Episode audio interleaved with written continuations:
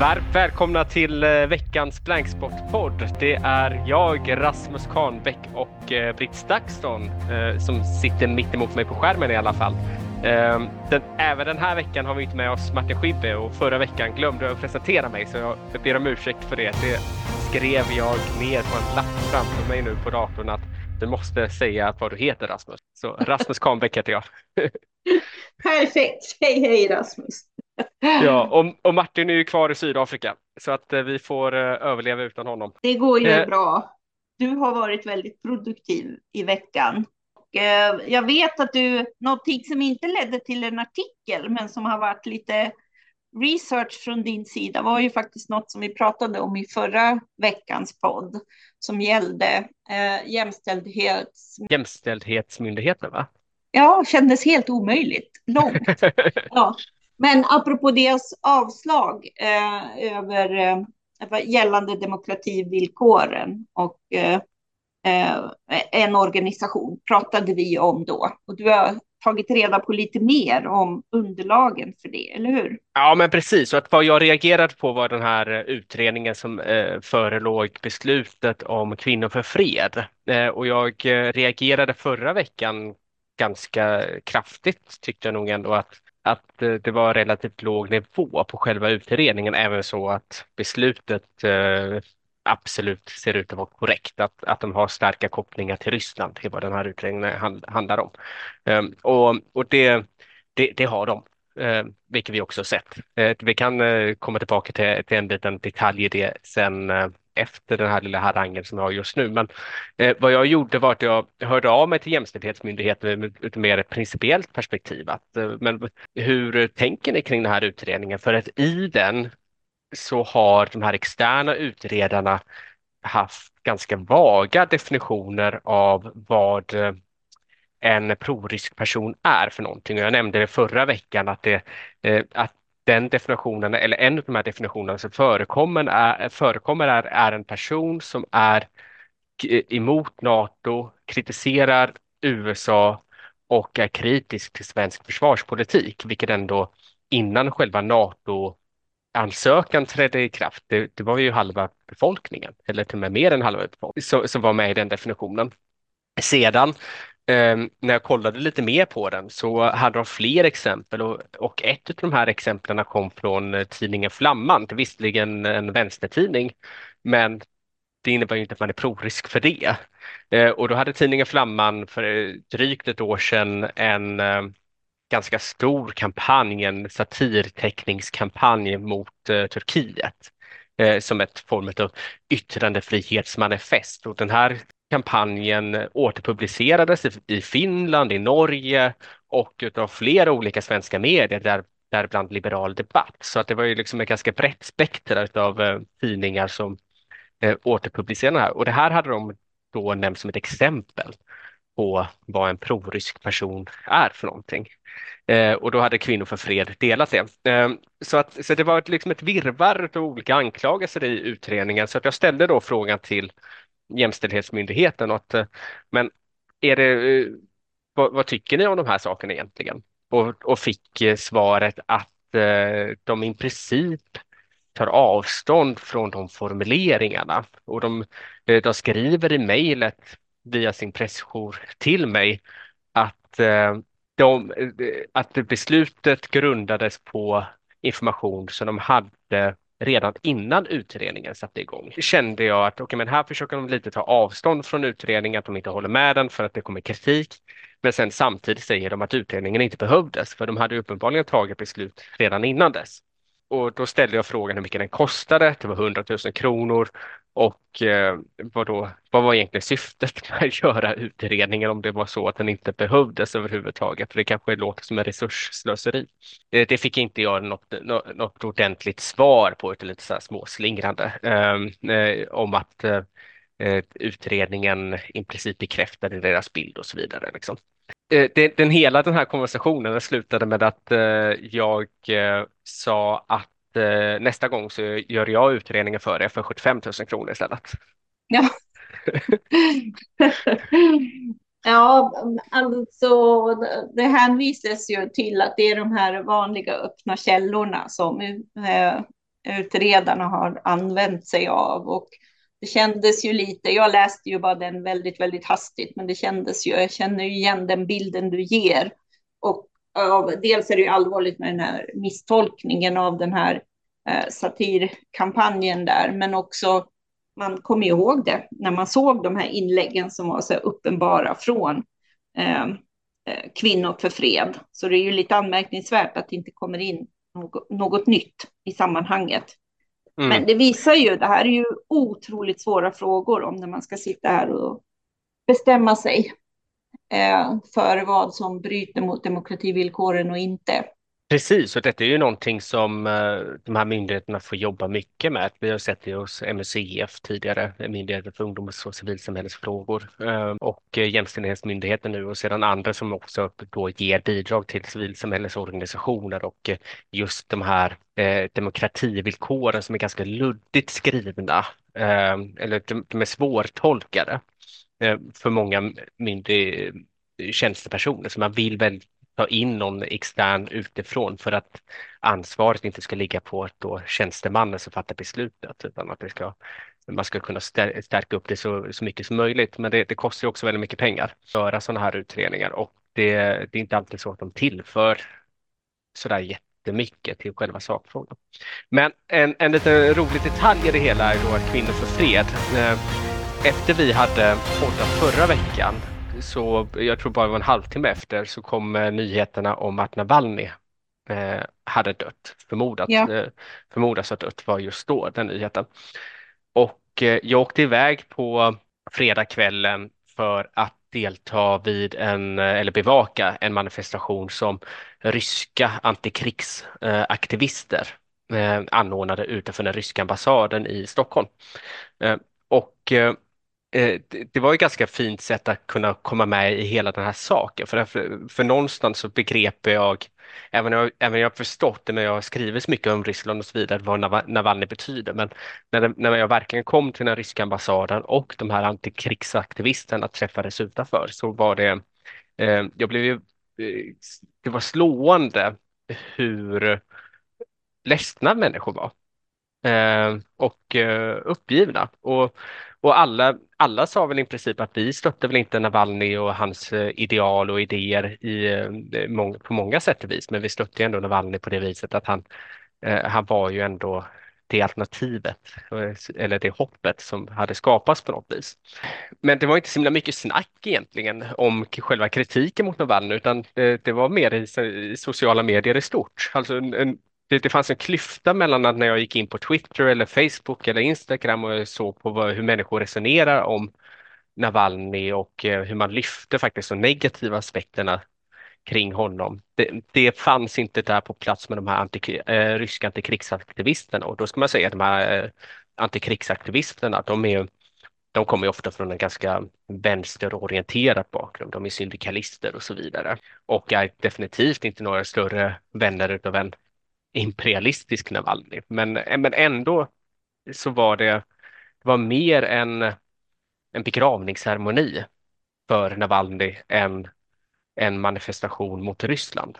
Eh, du skrev ju en kort eh, artikel, det var väldigt fina bilder du tog på plats. Mm.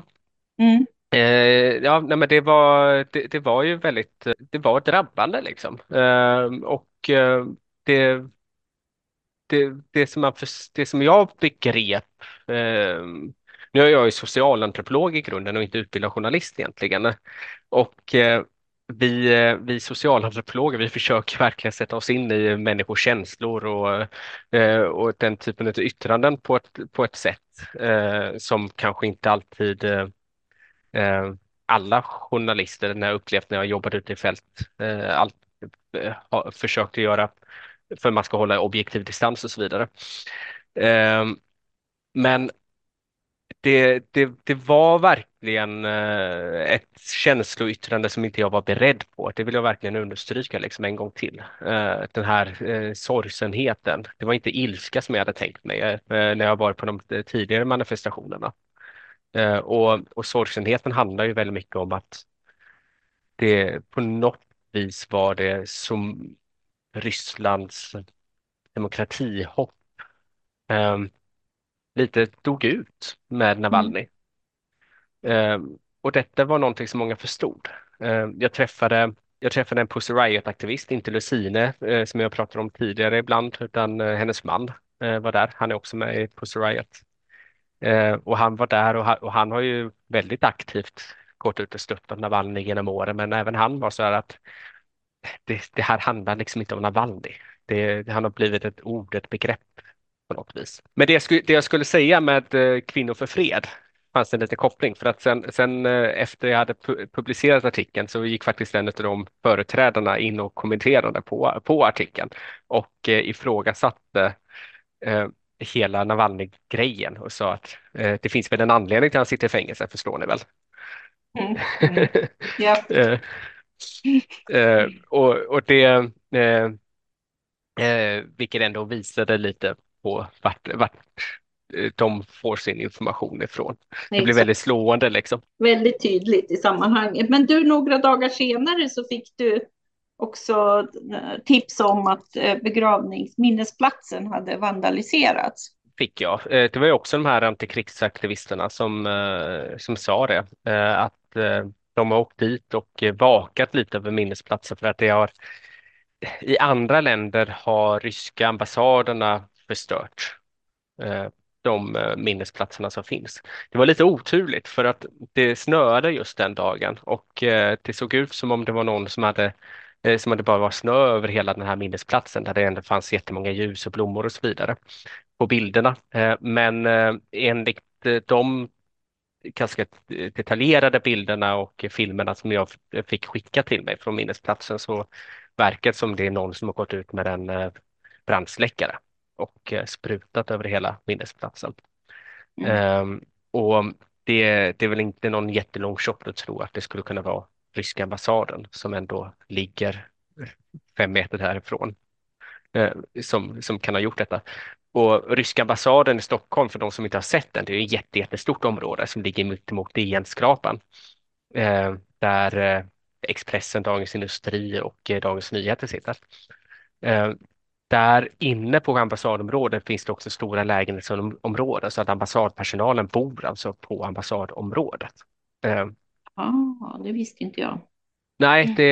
det, det, visste inte jag heller sedan tidigare. Men så att härnäst på det temat är, är att det nu har uppstått en debatt den senaste veckan kring eh, vem ska ta över efter Navalny? Vem är den mm. nya? Och här ser vi, här ser vi ju att hans fru Julia eh, Navalnaja har eh, kommit in som den personen som hoppar in liksom, eh, och försöker föra talan vidare. Och det har ju varit en väldigt stor smutskastningskampanj i Ryssland just mot Navalnaja också. Där man försökt att få henne att låta som om hon är köpt av yttre krafter, att hon inte kan stå på egna ben och så vidare. Men hon, eh, hon verkar ha stått pall eh, i alla fall, om man ska läsa kommentarerna. Det påminner ju mycket om eh, Tichanovskaja i Belarus också, där hon gick in efter sin man som, han, som sitter i fängelse och blev någon form av oppositionsledaren. Så detta mm. kanske är liksom en, jag skulle tro att vi kommer se de närmaste månaderna att, att Julia Navalnajas status eh, kommer öka jättemycket i väst och att hon kommer få stå och hålla tal i stora församlingar och så vidare. Var, eh, I vilket land befinner hon sig? Ja, jag tror hon är i Tyskland. Eh, om jag inte minns fel. Ja, För de, åkte, de, kommer, ja. de kommer ju dit efter eh, Just det. att han eh, blev förgiftad på ett plan eh, utanför Tomsk i Ryssland för fyra år sedan. Och fick akutvård och då så där, där, där, där tror jag verkligen vi kommer få se något, något helt nytt inom, eh, i, i den ryska oppositionen också, där hon blir en mycket, mycket viktigare centralfigur istället för hennes man som har varit själva symbolen. Liksom. Att man eh, vaknar ur den här sorgsenheten med någon slags kamp framåt på något sätt, välja eh, att fortsätta. Ja, Ser det ut men... som de senaste dagarna. Ja. Mm. Ja men verkligen att eh, det, vad ska man göra annars? Det, alltså det är ju många, det är ju hundratusentals ryssar som har lämnat landet eh, och eh, många av dem är ju unga intellektuella eller människor som varit aktivister under lång tid som eh, har lämnat landet. Så det finns ju verkligen en, en stor och stark kraft för, för att arbeta mot Putins Ryssland. Det är bara det att det, man kan inte göra det i Ryssland just nu för att då hamnar man i fängelse. Det, ribban är otroligt låg. Och i veckan kom ju eh, Säpos eh, lägesrapport, årsrapport. Och det är ju mm -hmm. verkligen mycket om Ryssland, eh, Kina och Iran som de tre länderna med påverkansoperationer mot Sverige och så. Mm. Eh, så det här är ju högintressant att fortsätta bevaka den här regionen och vad som händer verkligen. Ja, men absolut. Och jag menar, de, de här lägesrapporterna från Säpo, de är jätteintressanta att, eh, att läsa. Eh, så att eh, de som inte har gjort det eh, borde göra det. Jag har inte läst eh, årets, men förra årets läste jag. Ja, och, då... och, det, och det är ju just de här när man beskriver, men, men också hela det här, ja men just de påverkansoperationerna, nätets påverkan. I år drog ju alla nyheterna mycket på AI-perspektivet och så, men det är ju, man lägger ju mycket fokus på hur AI också kan hjälpa till för att faktiskt kunna kartlägga, följa, förstå och se sambanden även inom det här området som rör terrorism eller våldsbejakande extremism och så. Eh, men också förstås det motsatta som det alltid är eh, oron hur de här verktygen kan användas även i påverkansperspektiv och desinformationskampanjer och terroristplanering och allt sånt där. Så den, eh, ja, men den är väldigt eh, läsvärd, verkligen. Ja, och annars eh, i veckan skrev jag också en eh, text om eh, Azerbajdzjan igen. Mm. För omväxlingens skull. Shocking! ja. Nej, och, och, och den, den handlade ju om ehm, eh, den handlar ju om eh, svenska ambassaden i Azerbajdzjan som har inlett ett eh, samarbete med en eh, halvstatlig organisation som eh, Eh, Eh, med, med, hjälp av Svenska institutets pengar. Det, är inte, det, det rör sig om ungefär 50 000 kronor så det är liksom inte några jättestora summor. Eh, utan det som jag tyckte var intressant var mer, ja, det, dels var det så att vi, när jag kollade på den här organisationen och jag grävde i den, är, det är att den inte har något stöd i det fristående civilsamhället överhuvudtaget. Det, man, man anser att det är en förlängning av staten i princip eh, Eh, och att eh, företrädarna för organisationen faktiskt har uppmanat sina medlemmar att stötta eh, eh, regimen ehm, och ställa sig bakom kriget i Nagorno-Karabach och då, och då ska det då gå emot Svenska institutets regler om, att, om icke-våld. Ehm, men det tyckte väl inte de. De tyckte nog mest att jag var tjatig när jag ställde den frågan. Både ambassaden och Svenska institutet. Men det är väl lite mer, det, det, men det som det också väcker är väl den lite mer principiella frågan här också, att eh, delvis ambassaderna, ska de gå in och agera någon form av civilsamhällesorganisation eh, de här länderna de jobbar i? Har de den kunskapen? Eh, det visar sig att de inte hade det i detta fallet. Det kan man ju konstatera. Um, I din artikel så är de väl citerade, dina civilsamhällskontakter som beskriver det här som statskontrollerad feminism. Mm, precis, det tycker ja. jag var ganska välfunnet. Ja, verkligen. Ja, men det där är ju spännande hur de, ehm, de svenska ambassaderna, en del av deras verksamhet är ju väldigt mycket att lyfta upp typiska svenska eh, värderingar och faktorer. Ja, men så här, demokratifrågor, desinformation eller eh, innovation, kreatörs, digitaliseringsperspektiv. Jag har ju själv eh, varit inbjuden eh, via ett antal ambassader och pratat just om digitalisering eller crowdfunding för medier när man kanske i andra delar av världen mest använt crowdfunding för att samla in pengar till sjukvård och sånt.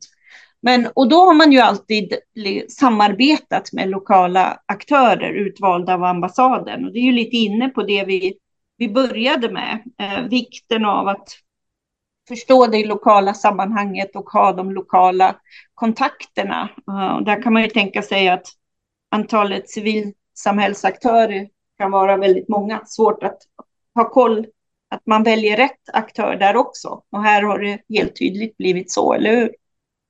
Ja, och sen eh, det, det, det, ligger verkligen någonting i det. Och sen, sen är, i sådana här länder som är lite svåra där, där Sverige generellt har ganska låg eh, kompetensnivå, som typ eh, de massa centralasiatiska länderna, så, så är det lätt att det blir fel. Ehm, jag vet att vi, för något år sedan så skrev jag en granskning av en svensk EU-ambassadör, alltså de här ambassadörerna som e- Europeiska unionen har. Och så råkade det vara svensk som var i, i Tadzjikistan. Och när hon skulle lämna sitt ämbete så hyllade hon en person som var kopplad till eh, diktatorn och så är ökänd för sin korruption och sådana saker också. Eh, så att jag, jag, tror att det delvis handlar om en bristande kunskap, men också på att det här att utbudet i eh, många av de här länderna är så pass dåligt att man, man, man tager vad man haver ungefär. Just, ehm, just. Um, och det Eh, Eh, här finns ju en anse, eh, också en koppling till Ryssland och Belarus och så vidare. Som jag pratade om så var det ju hundratusentals människor, hundratusentals människor som, eh, var, som har lämnat landet till Ryssland och det finns ett starkt civilsamhälle eller det finns eh, många människor som verkligen kämpar mot makten och Putin. Samma sak i Belarus med, med Tichanovskaja och i Azerbajdzjan eller i Tadzjikistan så finns det inte det.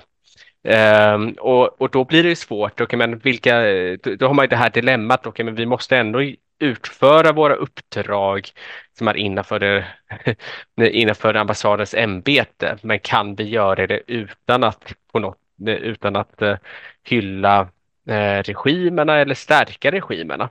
Sen, uh, sen om, man, om man bara kollar på de här, de, de här enskilda uppdragen eller de eh, enskilda sakerna som de faktiskt gör så, så finns ju ändå någonting gott i det hela.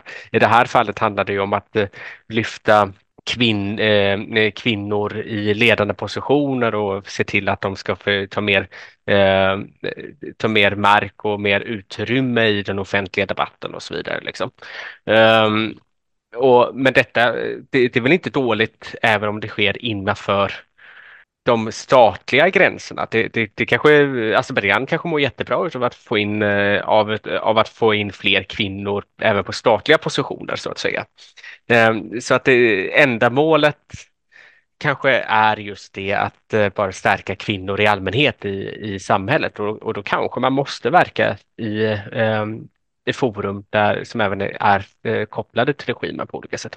Ehm, så det är också en, det, det är också en intressant eh, debatt, alltså den här lokalkännedomen. Mm. Sen eh, lokalkännedomen är en sak och sedan att det verkligen är små, ehm, eh, små demokratiska utrymmen man har att agera i. Och då kanske man får agera i de som finns på plats också.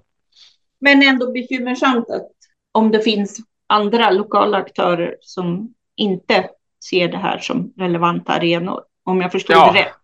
Ja, ja eh, alltså, men här, här är ju eh, problemet att eh, om man är en registrerad organisation i Azerbajdzjan, då är man godkänd av staten. Exakt. Så enkelt är det. Ja. Och de som inte är registrerade, de vill inte sätta sig fot på de platserna där, där de är registrerade. Och svenska ambassaden kommer ju aldrig offentligt Nå, jobba eller lägga ner resurser på de här icke-registrerade. Liksom. Så det är ett dilemma som de har att jobba med. Men eh, vi har ju också lite av en nyhet eh, som vi sätter igång med den här veckan, att vi lite mer genomtänkt kommer börja med debattsidor. Ja, för Hur... det är ju någonting som av och an genom åren har eh, dykt upp och även att folk har hört av sig och vi har publicerat ett och annat, men då inte haft en riktig samlad vignett för en eh, debattsida.